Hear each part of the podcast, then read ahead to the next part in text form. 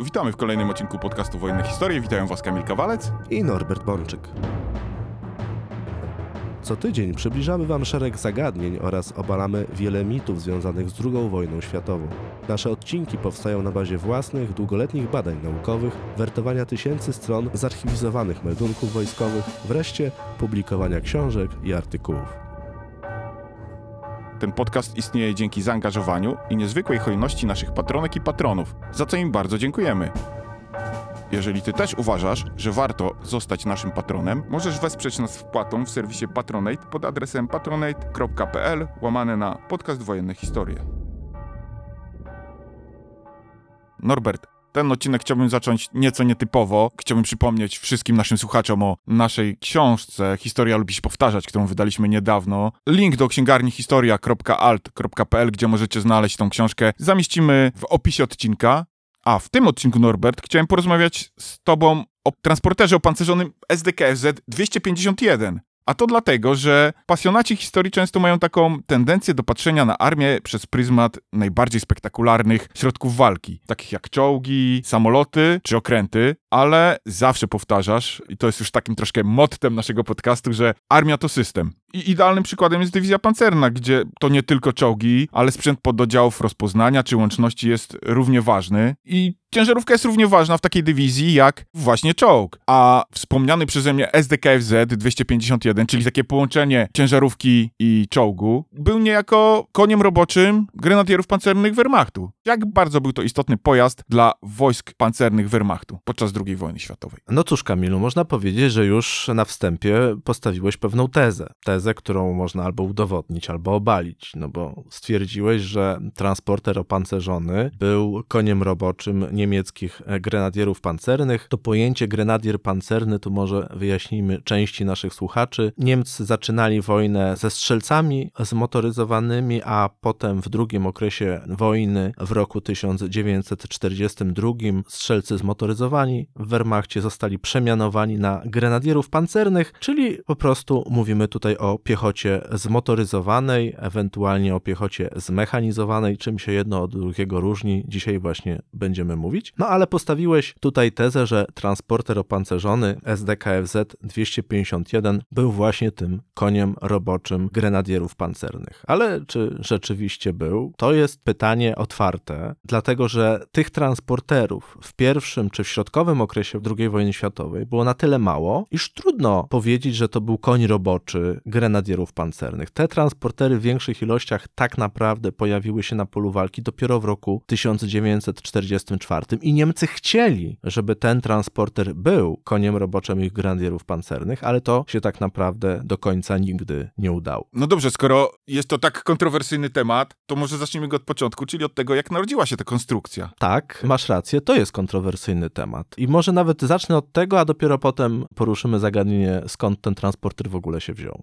Kontrowersyjne dlatego, że wiele osób, tak jak ty powiedziałeś, ma wyobrażenie o wojsku, o wojskach zwłaszcza zmechanizowanych, że są to siły zbrojne przesycone bardzo nowoczesną techniką bojową, że czołgi, właśnie transportery opancerzone, dzisiaj bojowe wozy piechoty, artyleria samobieżna, opancerzone pojazdy rozpoznawcze, że to jakby tworzy kościec wojsk zmechanizowanych i rzeczywiście dzisiaj w pewnym zakresie tak właśnie jest. Natomiast w II wojnie światowej obserwowaliśmy pewną ewolucję, pewien proces tworzenia się wojsk zmechanizowanych. I tak naprawdę istniały tylko trzy wielkie mocarstwa przemysłowe II wojny światowej. Państwa o najwyższym stopniu zaawansowania technicznego, przemysłowego to były Stany Zjednoczone, Wielka Brytania i Niemcy. Nie ma w tym zbiorze ani Związku Radzieckiego, ani Włoch, ani Japonii, ani nawet Francji, która była przecież przynajmniej pod względem technicznym i technologicznym państwem równie zaawansowanym. I może paradoksalnie właśnie Francuzi zasługiwaliby jako ten czwarty gracz w tej narracji. Ale dlaczego ja o tym mówię? W II wojnie światowej pełna mechanizacja i pełna motoryzacja wojsk wystąpiła tak naprawdę, pomijając przypadki i odstępstwa, które tą regułę tylko potwierdzają, wystąpiła tak naprawdę tylko w przypadku sił zbrojnych Stanów Zjednoczonych i Wielkiej Brytanii. To jedyne państwa w II wojnie światowej, które były zdolne dzięki swojej potędze przemysłowej, a tak naprawdę dzięki potędze przemysłowej USA, wystawić naprawdę w pełni zmechanizowane wojska na poziomie na przykład dywizji pancernej. Znaczy, amerykańska dywizja pancerna pancerna była związkiem prawdziwie zmechanizowanym, gdzie zarówno czołgi, jak i artyleria samobieżna, jak i piechota zmotoryzowana używały opancerzonych pojazdów o trakcji gąsienicowej lub kołowo-gąsienicowej, a więc zdolnych do działania praktycznie w każdych warunkach terenowych. Ani Armia Czerwona, ani Wehrmacht II wojnie światowej nie osiągnęły tego stopnia nasycenia pojazdami wspomagającymi czołgi w dywizjach pancernych, żebyśmy mogli powiedzieć o tym, że każda na przykład niemiecka dywizja pancerna, czy każdy radziecki korpus pancerny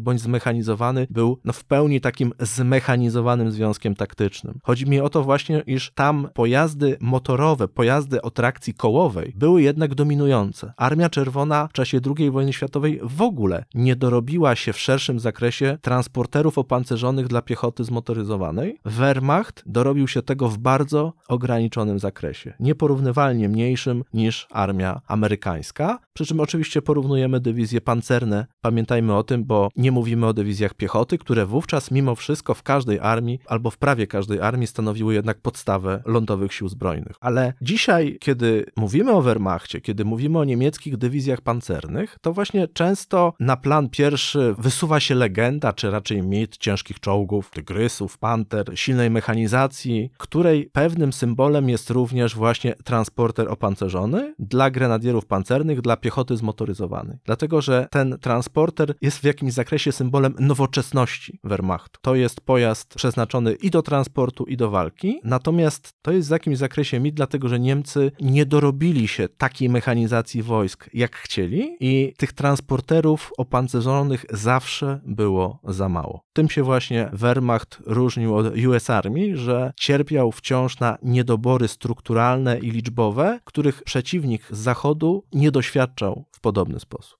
To w takim razie, Norbert, jeszcze raz, skąd wzięły się te transportery? Skąd wzięła się ta koncepcja w ogóle? Tak, transporter SDKFZ 251, ktoś zresztą może powiedzieć, że ZD KFC, dlatego że ten SDKFZ to jest w języku niemieckim Sonderkraftfahrzeug, czyli właściwie moglibyśmy to przetłumaczyć jako ZDKFC, a nie SDKFZ, ale w, u nas w Polsce przyjęło się już jakby te transportery nazywać SDKFZ, czyli tak jak się to po niemiecku pisze, ale nie tak jak się po niemiecku mówi. Sonderkraftfahrzeug to jest pojazd specjalnego przeznaczenia i wiele różnych pojazdów wojskowych w Wehrmachcie było nazywanych właśnie skrótem SDKFZ i przydzielany był numer. Od 1 i kolejne, w tym wypadku numer 251 dotyczy właśnie średniego transportera opancerzonego, pojazdu, który z początku nazywał się tam Mitteler Gepanzerter Mannschaftskraftwagen, potem już Mitteler Gepanzerter Schützenpanzerwagen, w skrócie SPW. I to jest bardzo charakterystyczne, dlatego że ten SPW, Schützenpanzerwagen, to jest niemieckie określenie na ten transporter opancerzony.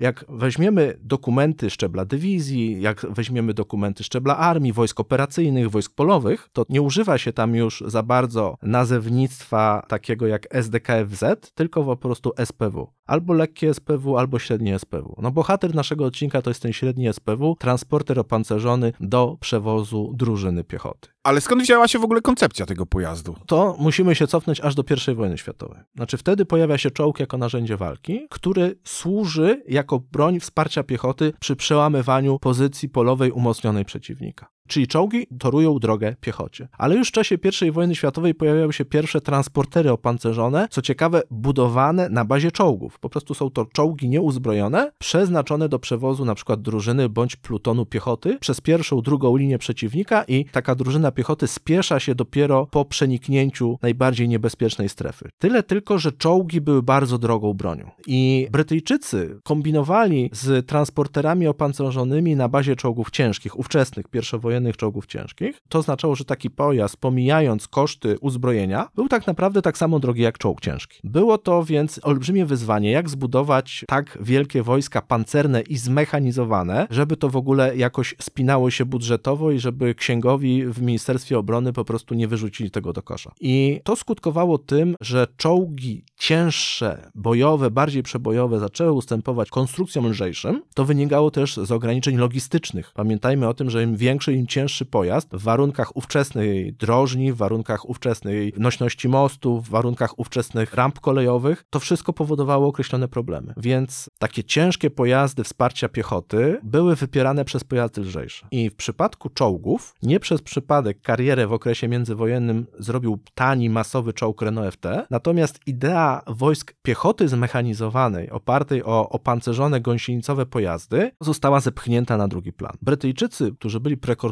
tej idei, cały czas podkreślali w latach 20. XX wieku, że ten przyszły idealny związek zmechanizowany, czyli dywizja bądź brygada pancerna bądź zmechanizowana, musi mieć pojazdy różnych klas i kategorii o takich samych możliwościach terenowych, o takich samych możliwościach pokonywania właśnie trudnego terenu, przemieszczania się na duże odległości. I postulowano stworzenie batalionów czołgów, batalionów piechoty zmechanizowanej, batalionów rozpoznawczych, batalionów artylerii opartych o pojazdy gąsienicowe, czyli dywizjon artylerii też ma swoje pojazdy gąsienicowe, które mogą iść za batalionem czołgów, aby wspierać go w walce. Piechota towarzysząc czołgom, nawet jeżeli się spiesza na polu walki, to ma swoje pojazdy opancerzone, przynajmniej zdolne do wytrzymywania ognia broni maszynowej, czyli opancerzone tak jak pierwsze czołgi, a te pojazdy mają towarzyszyć czołgom, bo mówimy o połączoności, mówimy o tworzeniu związków taktycznych, czyli i czołgista, i piechur, i artylerzysta, i saper, wszyscy muszą mieć pojazdy zdolne do poruszania się w trudnym terenie, wszyscy muszą mieć pojazdy opancerzone bądź pancerne. To była idea, którą Brytyjczycy wyrazili w latach 20. XX wieku, przy czym oni uważali z góry, że transportery opancerzone dla piechoty powinny tak jak czołgi być po prostu na gąsienicach. I na przykład firma Vickers, która budowała czołg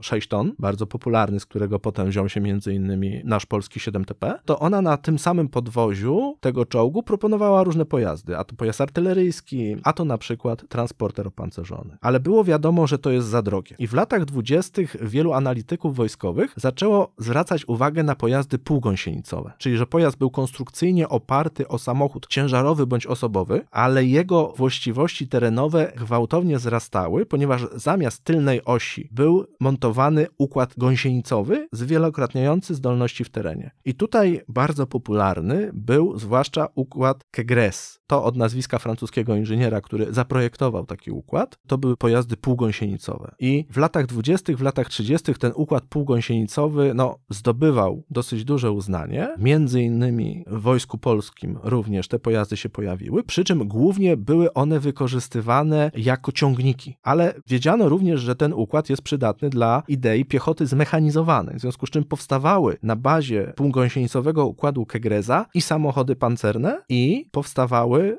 transportery opancerzone. Tutaj klasycznym przykładem mogą być Francuzi bądź Anglicy, którzy na przykład zbudowali taki transporter Burford Kegres w latach 20., testując właśnie ideę piechoty zmechanizowanej, ale na pojazdach nieco tańszych, lżejszych niż klasyczne wozy wyłącznie gąsienicowe. Kiedy potencjał takiego pojazdu dostrzegli Niemcy. Można by powiedzieć, że paradoksalnie Niemcy na tle Brytyjczyków, Francuzów, ale nawet Polaków dostrzegli potencjał dosyć późno. Ale to wynikało z faktu, że Niemcy bardzo interesowali się ciągnikami artyleryjskimi i przyjęli własne rozwiązania, jeśli chodzi o ciągniki półgąsienicowe. One zyskały w Rzeszy Hitlera, w Wehrmachcie od razu jeszcze przed wojną bardzo dużą popularność. Wiele niemieckich firm konstruowało takie pojazdy i ciągniki półgąsienicowe masowo wchodziły na wyposażenie Wehrmachtu. Ale musimy zdawać sobie sprawę z bardzo ważnej rzeczy. Wbrew obiegowej opinii, to nie wojska pancerne miały priorytet w rozwoju Wehrmachtu tylko klasyczna piechota i bronie główne ówczesne, czyli na przykład artyleria i ciągniki półgąsienicowe w pierwszej kolejności były rozwijane na rzecz artylerii, artylerii ciężkiej, a nie wojsk pancernych. I cechą charakterystyczną wielu niemieckich ciągników półgąsienicowych było to, że to były w gruncie rzeczy pojazdy gąsienicowe, to znaczy miały napęd na gąsienicę, natomiast ta przednia oś służyła kierowaniu pojazdu, natomiast nie było przeniesienia napędu na przednią oś. Dopiero w drugiej połowie lat 30. zaczęto bardziej interesować się stworzeniem pojazdu dla strzelców zmotoryzowanych nowych dywizji pancernych, dlatego że ci żołnierze po prostu byli przewożeni samochodami ciężarowymi. Ważne było to, żeby to były samochody ciężarowe o charakterze aut terenowych, bo ciężarówka ciężarówce też jest nierówna. Jeżeli samochód ciężarowy ma na przykład napęd tylko na jedną oś, to jego możliwości pokonywania trudnego terenu są o wiele gorsze niż w przypadku pojazdu, gdzie napędzane są wszystkie osie. W związku z czym mówiono w Wehrmachcie, żeby chociaż zapewnić piechocie zmotoryzowanej samochody terenowe, żeby w jakimś zakresie oni mogli nadążać za czołgami i brać udział w walce razem z czołgami. No ale docelowo mówiono, że idealnie byłoby, gdyby piechota zmotoryzowana dostała własny taki transporter opancerzony zbudowany na bazie ciągnika artyleryjskiego w układzie półgąsienicowym. I w roku 1936, no, można powiedzieć, że te prace ruszyły wyraźnie do przodu, i w latach 1937-38, korzystając z rozwoju nowego średniego ciągnika, tak zwanego trzytonowego ciągnika SDKFZ-11, opracowano transporter opancerzony średni dla piechoty zmotoryzowanej, i tutaj jakby prym wiodły firmy Borgward i Hanomag, które były pierwszymi producentami tego typu pojazdów, ale SDKFZ-251 on trafił do produkcji seryjnej dopiero latem 1939 roku. Kiedy wybuchała II wojna światowa we wrześniu 1939 roku, to ten nowy docelowy pojazd dla strzelców niemieckich dywizji pancernych już był, ale było go bardzo mało i niemieckie dywizje pancerne w 1939 roku, można powiedzieć, że zasadniczo nie miały tego typu transporterów opancerzonych na swoim wyposażeniu. Jedynie do pierwszej dywizji pancernej zdołano dostarczyć niewielką ilość tych pojazdów oraz do niektórych jednostek sztabowych wyższego rzędu. Na przykład Heinz Guderian miał do dyspozycji w swoim sztabie kilka takich transporterów opancerzonych, czyli chrzest bojowy SDKFZ 251 w odmianie A to jest rok 1939 i w ogóle rozpoczęcie produkcji seryjnej to jest rok 1939. Czyli w 1939 roku absolutnie nie możemy mówić o tym, że był to pojazd masowy. Nie, absolutnie był to pojazd rzadki. Może nie unikatowy, ale rzadki. To jest bardzo zresztą charakterystyczne, kiedy mówimy o niemieckich wojskach pancernych w 1939, w 40 czy w 41 roku. To te wojska odnosiły oszałamiające sukcesy dzięki sprawnym rozwiązaniom systemowym, a nie dzięki takim lub innym walorom taktyczno-technicznym określonych pojazdów. Bo Niemcy zaczynali wojnę mając czołgi lekkie w dominacji. Panzer I, Panzer II. I wówczas transporterów opancerzonych, o których dzisiaj mówimy, było jak na lekarstwo. A mimo to odnosili oszałamiające sukcesy dzięki przewadze na przykład informacyjnej, dzięki bardzo dobremu współdziałaniu z lotnictwem, dzięki elastycznemu dowodzeniu. Chodzi o to, że rozwiązania systemowe są ważniejsze, są na pierwszym planie. Sam sprzęt jest ważny, ale jeżeli nie ma rozwiązań systemowych, to nawet najlepszy sprzęt nie będzie prawidłowo działał. I odwrotnie, jak masz dobre rozwiązania systemowe, to nie musisz mieć super zaawansowanych czołgów czy transporterów opancerzonych, żeby odnosić zwycięstwo. Jeżeli masz sprawnie działające rozpoznanie, wydajny system łączności, wydajny system logistyczny, dobrą współpracę z lotnictwem, artylerią, jeżeli twoje lotnictwo jest w stanie uzyskać dominację w powietrzu, czy chociaż przewagę, to są czynniki kluczowe na polu walki, a nie to, że czołg ma taki pancerz albo inny. A jak od strony technicznej wyglądał właściwie ten pojazd? No, można powiedzieć, że od strony technicznej to są parametry w pewnych zakresach zbliżone do lekkiego czołgu. Mówimy o pojeździe, to jeszcze w zależności od wersji, powiedzmy o masie 7-8 ton, długim na prawie 6 metrów, wysokość mniej więcej 1,75 m, szeroki na nieco ponad 2 metry. Ale tak jak powiedziałem, masa 7-8 ton, czyli masa nieco mniejsza niż ówczesny taki czołg lekki albo zbliżona. Silnik 100 koni mechanicznych. To, co bardzo odróżnia transporter opancerzony od czołgu lekkiego, to jest ochrona pancerna. Transporter opancerzony miał relatywnie cienki pancerz czołowo do 14-15 mm,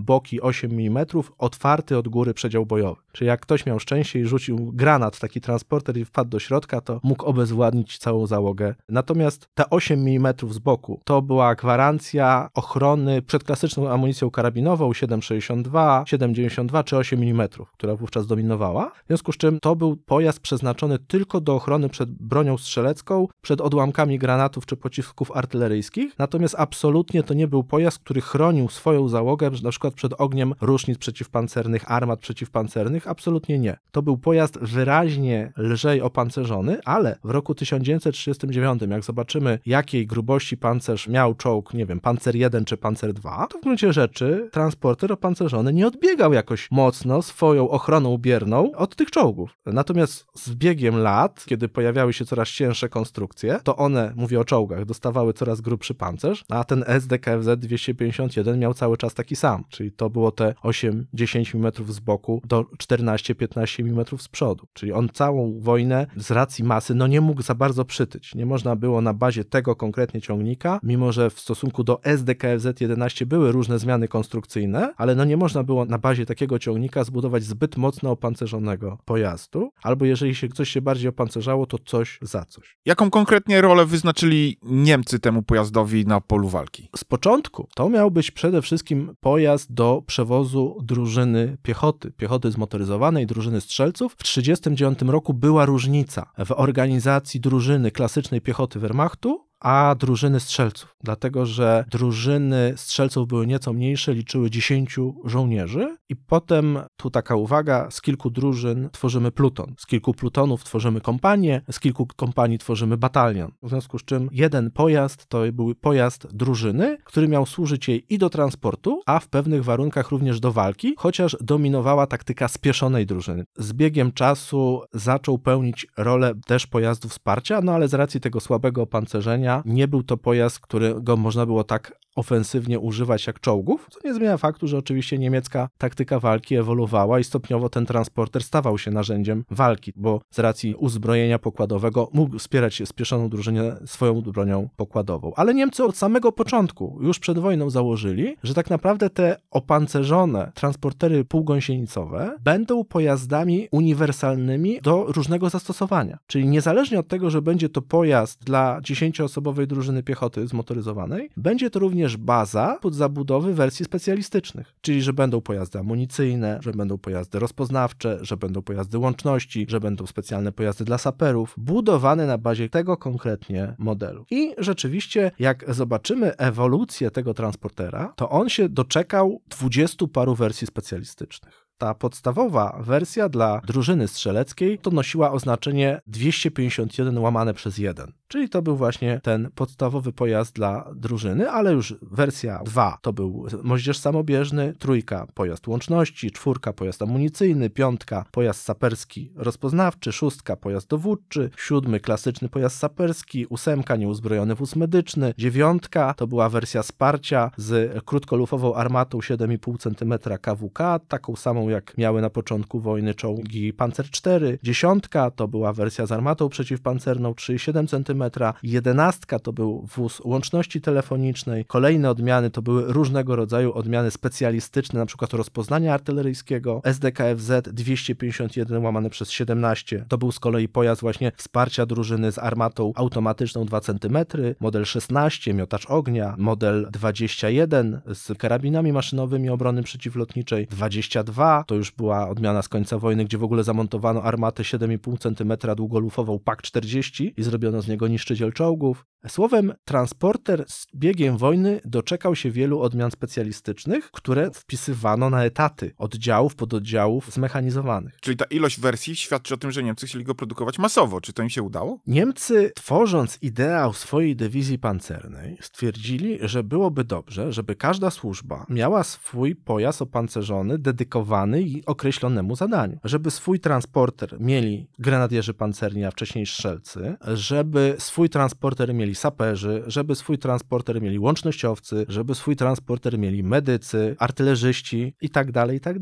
W jakimś zakresie to wszystko obserwujemy dzisiaj. Mówimy o wozie bazowym jakiegoś modelu i o wersjach specjalistycznych. Ta idea nie jest niczym nowym. Ona funkcjonowała również w II wojnie światowej. I rzeczywiście niemieccy pancerniacy chcieli dywizji pancernej, gdzie właściwie wszystkie pododdziały, bataliony piechoty zmotoryzowanej, batalion rozpoznawczy, batalion saperów, batalion łączności, będą miały własne transportery opancerzone. Nawet w samym pułku pancernym, w kompanii dowodzenia, w kompaniach zabezpieczenia też miały być transportery opancerzone. Słowem, taka idealna niemiecka dywizja pancerna miałaby kilkaset transporterów opancerzonych, trzy, cztery razy więcej niż czołgów. No oczywiście, kiedy taką ideę przedstawiono w Berlinie jeszcze przed wojną, przedstawiciele Heereswaffenamtu złapali się za głowy. Powiedzmy tylko naszym słuchaczom, którzy się nie orientują, czym był ten Heereswaffenamt. Urząd Uzbrojenia Wojsk Lądowych. Powiedzieli, no panowie pancerniacy, wy macie bardzo fajne pomysły, tyle tylko, że a skąd my mamy wam to wziąć? Artyleria, panowie, jest ważniejsza niż wy, w związku z czym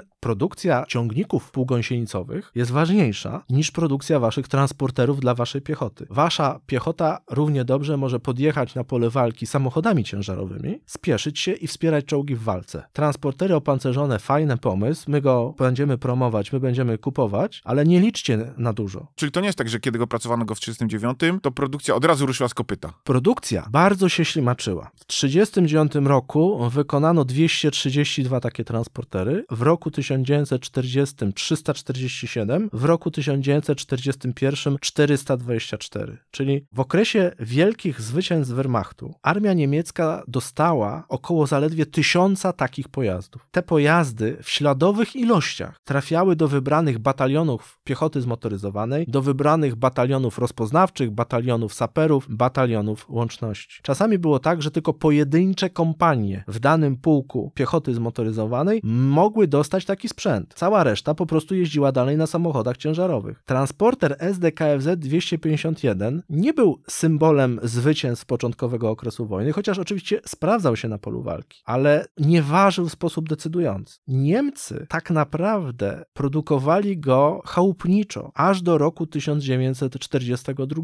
Dopiero w roku 1942 wzrosła skokowo produkcja tych transporterów, dlatego że wykonano ich 1200, czyli w rok wyprodukowano ich wówczas więcej niż wcześniej przez 3 lata. A dlaczego dopiero wtedy postanowiono zwiększyć produkcję tego pojazdu? To złożony proces, między innymi związany z tym, że tak naprawdę masowa produkcja niektórych typów uzbrojenia, zwłaszcza tych związanych z bronią pancerną, w Wehrmachcie czy w Niemczech zaczęła się dopiero w roku 1942. Powtarzam raz jeszcze, wcale czołgi, mimo że odnoszono na ich tak wielkie sukcesy, wcale produkcja pancerna nie miała priorytetu w Niemczech przed wojną. Oczywiście ona była ważna, już wielokrotnie o tym mówiliśmy, ale produkcja karabinów maszynowych, armat, armat przeciwpancernych, bomb była znacznie ważniejsza. I dywizje pancerne musiały poczekać. I stało się też jasne, że ten model SDKFZ 251, najpierw wersja A, potem wersja B, potem wersja C, które powstawały między 39 a 42 rokiem, one wymagają pewnych uproszczeń konstrukcyjnych, żeby rozwinąć produkcję na masową skalę. I w roku 1943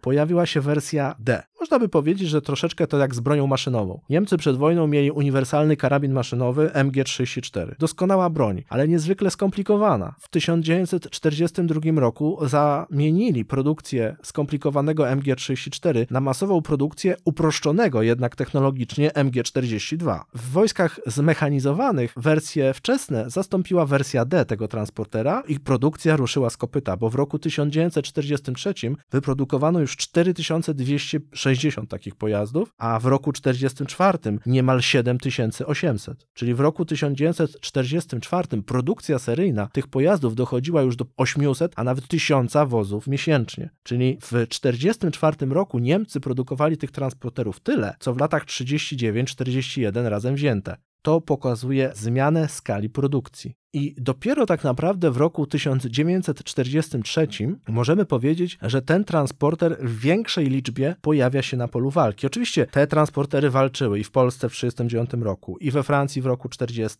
i od 1941 roku walczyły na wschodzie. Ale to uderzające, kiedy na przykład analizuje się meldunki o stratach wojsk pancernych, gdzie Niemcy mówią, straciliśmy tyle czołgów, tyle samochodów pancernych, tyle pancerjägerów, tyle SPW. I dla historyka to uderzające. Na przykład kiedy analizuje straty w Wehrmachtu w operacji Barbarossa. Jak niewielkie były straty w SPW w roku 41, a one były niewielkie, bo tych transporterów było po prostu w wymiarze statystycznym bardzo mało. Wielokrotnie mniej niż czołgów. Ale rozumiem, że skoro Niemcy zwiększali produkcję tak czy owak, byli zadowoleni z tego pojazdu. Jak on sprawdzał się na polu walki? Niemcy byli z tego pojazdu rzeczywiście bardzo zadowoleni, chociaż pojedynczy grenadier pancerny mógłby nieco narzekać na ciasnotę wnętrza takiego transportera. Każdy, kto dzisiaj miał okazję jeździć takim transporterem, transporterem, mówię o pojazdach zabytkowych, zachowanych, no to wie, że przesadnie wygodne to one nie były. Natomiast dla taktyki walki dywizji pancernej transporter opancerzony był super ważny. Był tak samo ważny jak czołg, ale nie dlatego, że miał taką samą siłę ognia, czy tak samo gruby pancerz. Nie. To wynikało właśnie z idei połączoności. Ponieważ armia niemiecka miała gąsienicowe czołgi i ciężarówki na kołach, to istniała zasadnicza różnica w zdolnościach pokonywania terenu pomiędzy batalionem pancernym a batalionem piechoty zmotoryzowanej, nawet jeżeli on miał samochody terenowe. Nie było tego problemu dla pododdziałów na transporterach opancerzonych. One mogły pokonywać ten sam teren co czołgi, mogły im towarzyszyć w każdych warunkach taktycznych, nawet w warunkach bardzo trudnego terenu. Pojazdy gąsienicowe po prostu lepiej pokonują trudny teren niż pojazdy kołowe. I to wymusiło na Niemcach podział dywizji pancernej na zgrupowanie zmechanizowane i na zgrupowanie zmotoryzowane. Każdy dowódca niemieckiej dywizji pancernej wiedział, że do zgrupowania zmechanizowanego może wyznaczyć tylko pododdziały o trakcji gąsienicowej. Dlatego w armii niemieckiej niektóre oddziały piechoty, saperów, łączności i rozpoznania otrzymywały skrót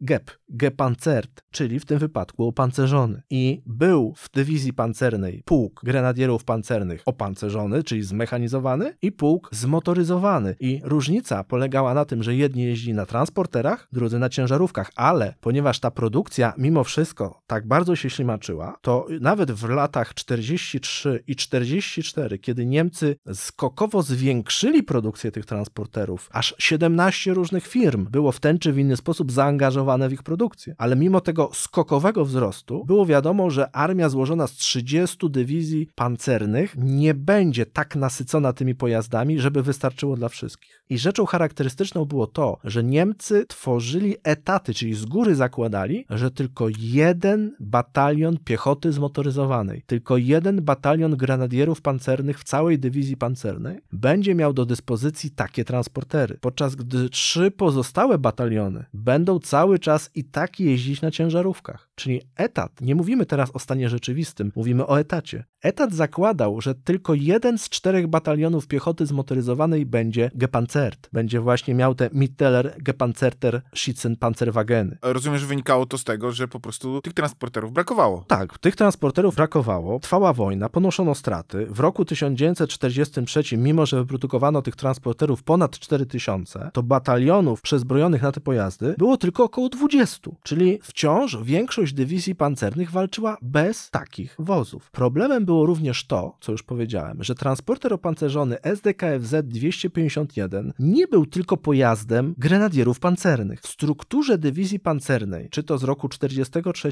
czy to z roku 44, to jest pojazd, który z racji wielu swoich odmian występuje na szczeblu bardzo różnych oddziałów i pododdziałów. Batalion Grenadierów Pancernych na transporterach SPW jest dysponentem jedynie 30% takich pojazdów w ramach dywizji, ponieważ te pojazdy muszą się znaleźć również w dywizjonie, batalionie rozpoznawczym, w, w dywizjonach artylerii, w kompaniach dowodzenia, w batalionie saperów i wielu innych pododdziałach. I w 1943 roku i w 1944, kiedy Niemcy tworzyli struktury etatowe dywizji pancernych, już uwzględniając masową produkcję tych transporterów, to i tak w pełni uzbrojona, w pełni wyposażona niemiecka dywizja pancerna miała mieć ich tylko 300 czyli o 100 więcej niż czołgów bądź dział pancernych, ale i tak te 300 transporterów opancerzonych dawało tylko, jak powiedziałem, jeden batalion grenadierów pancernych na transporterach, częściowo batalion saperów, częściowo, częściowo batalion łączności i elementy dywizjonu rozpoznawczego. W dywizji pancernej wzór 44 na 300 transporterów mamy jeden batalion zmechanizowany i to są 92 transportery w jednym batalionie. Taka klasyczna kompania grenadierów pancernych ma 20 23 SPW, kompania wsparcia w batalionie 17, do tego jeszcze dochodzą wozy w dowództwie, łącznie mamy 92 takie transportery. Rozumiem, że to są transportery w różnych odmianach. Dokładnie. Tylko w jednym batalionie grenadierów pancernych te 92 pojazdy, o których mówiłem, występują włącznie w kilkunastu odmianach. Choćby pluton wsparcia ma trzy transportery etatowo. 251 łamane przez 17, 1 łamane przez 1, dwa moździerze, dwa pojazdy z armatami 7,5 cm. Czyli wymagało to produkcji bardzo wielu odmian i tak naprawdę bardzo ciężko było zbudować stuprocentowy etat. Najbardziej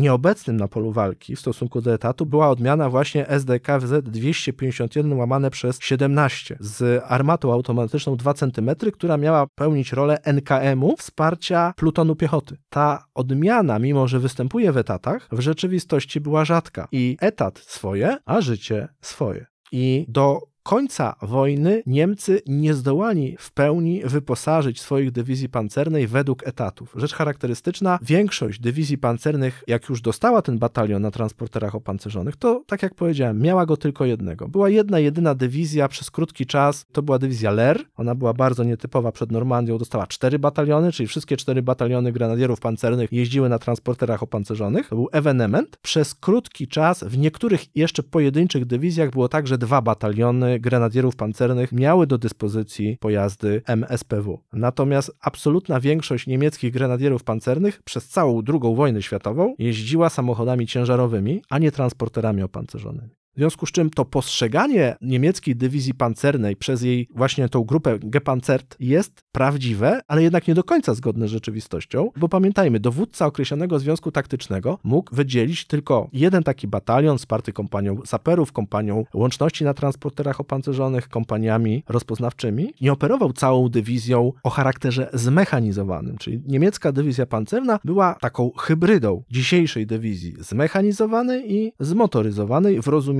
pojazdów, które służą do transportu i ewentualnie jako pojazdy wsparcia na polu walki. W drugiej połowie wojny obserwujemy ewolucję niemieckiej taktyki, gdzie ten transporter opancerzony coraz bardziej odgrywa ważną rolę również bezpośrednio na polu walki, pełni więc funkcję i pojazdu transportowego, i pojazdu wsparcia. I największe natężenie produkcji tych transporterów to jest rok 1944. Łącznie w czasie całej wojny Niemcy wyprodukowali nieco ponad 15 tysięcy tych transporterów, a 7800 z nich w roku 1944. Czyli ponad połowa produkcji tych wozów przypada dopiero na rok 44. I rzeczywiście w roku 1944 wreszcie te pojazdy masowo pojawiają się na polu walki. I tu rzecz bardzo charakterystyczna, kiedy mówimy o nowoczesnej wojnie, bo słusznie bądź niesłusznie postrzegamy II wojnę światową, wykrwawienie Wehrmachtu przez pryzmat tej wyniszczającej wieloletniej wojny z Armią Czerwoną. Ale Niemcy tak naprawdę najlepszy garnitur swych wojsk, jeśli chodzi o nasycenie je środkami walki, w roku 1944 nie wystawili przeciwko Armii Czerwonej, tylko przeciwko aliantom zachodnim. A dlaczego tak było? Dlatego, że Niemcy wiedzieli, że mocarstwa zachodnie, przede wszystkim Stany Zjednoczone, to są mocarstwa przemysłowe i że Amerykanie, Brytyjczycy będą walczyli przy użyciu maszyn. W związku z czym, chociaż Wehrmacht i tak musiał zmierzyć się z US Army we Francji, w Normandii, w oparciu o swoje nie do końca wydolne dywizje piechoty, o ciąg konny i tak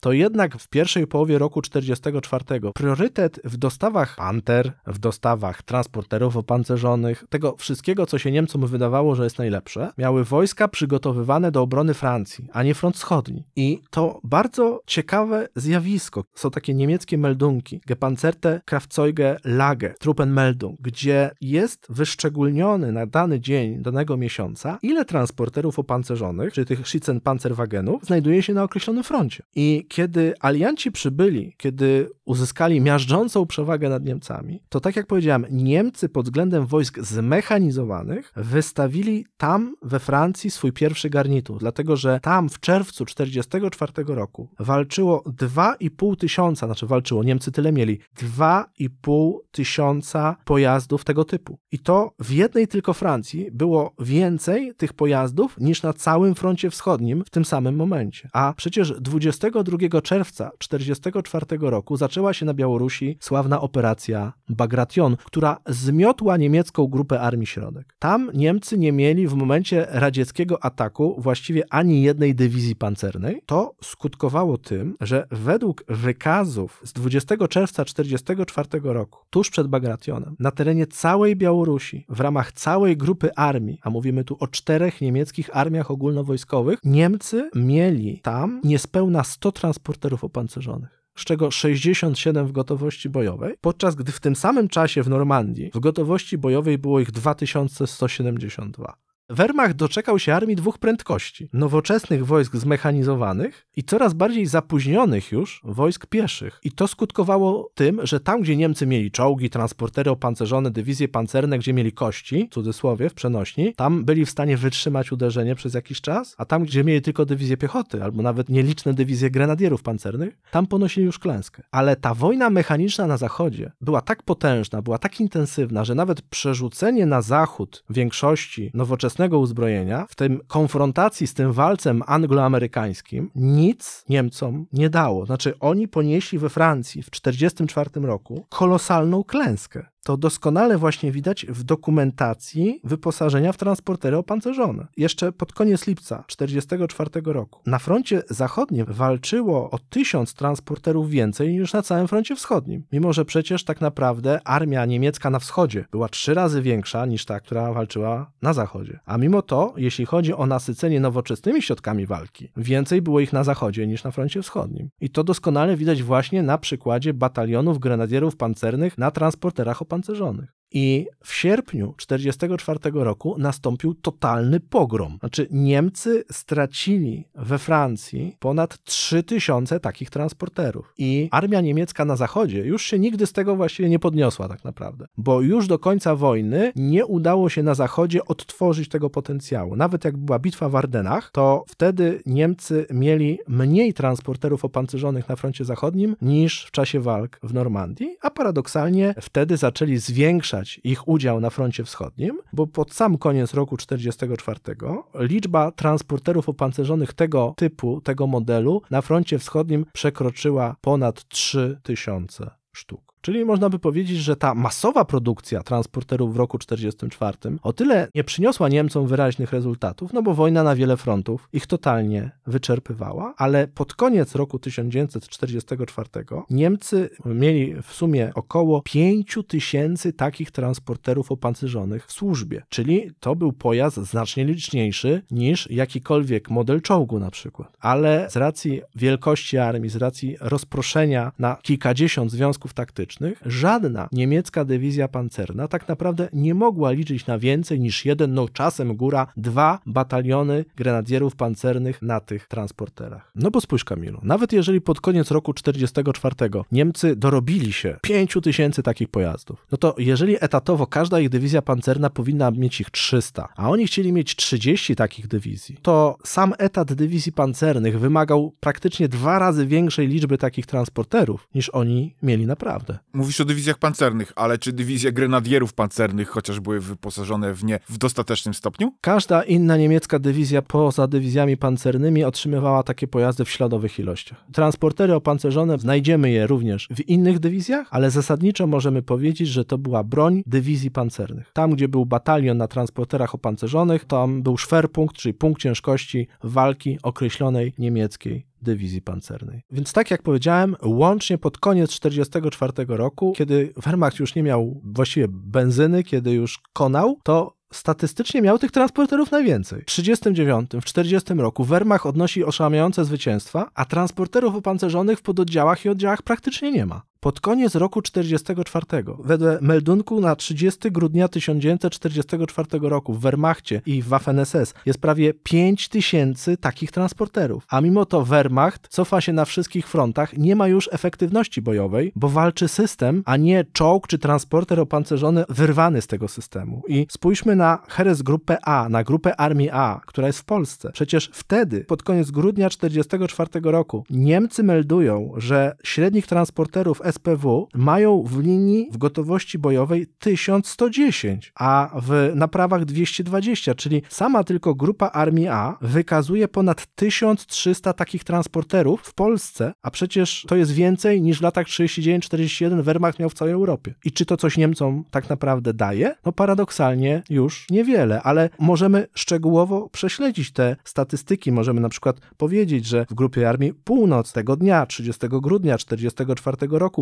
gotowości bojowej było 161 takich transporterów, w grupie Armii Południe 881, czy w grupie Armii Środek 629. Takie statystyki jak najbardziej się zachowały. Świetnie, to przecież wiedzą nasi patroni, którzy widzieli te dokumenty na naszej grupie facebookowej dla patronów, gdzie też wywołało to duże zdziwienie. To zdziwienie, o którym wspomniałeś, wynika z tego, że kiedy Niemcy mieli najwięcej czołgów, kiedy mieli najwięcej dział pancernych, kiedy mieli najwięcej transporterów opancerzonych? No kiedy ponosili totalną klęskę na przełomie 44 i 45 roku. Czyli po raz kolejny trzeba powiedzieć to, co zawsze powtarzasz, że wojna to system, a nie tylko sprzęt. Dokładnie. I transporter opancerzony SDKFZ 251, który był udanym pojazdem, tak naprawdę masowo pojawił się za późno, kiedy niemieckie siły zbrojne systemowo były już coraz bardziej niewydolne i kiedy też miały coraz potężniejszego przeciwnika, bo transportery tego modelu powstały, tak jak powiedziałem, w liczbie ponad 15 tysięcy sztuk. To jest dużo. Natomiast nikogo, kto słucha naszych podcastów, nie zaskoczę stwierdzeniem, że kiedy amerykański przemysł zbrojeniowy wziął się za produkcję analogów półgąsienicowych transporterów opancerzonych M2, M3, M5, M9, to produkcja tych pojazdów była kilkakrotnie wyższa niż analogiczna produkcja takich transporterów dla Wehrmachtu. I w roku 1944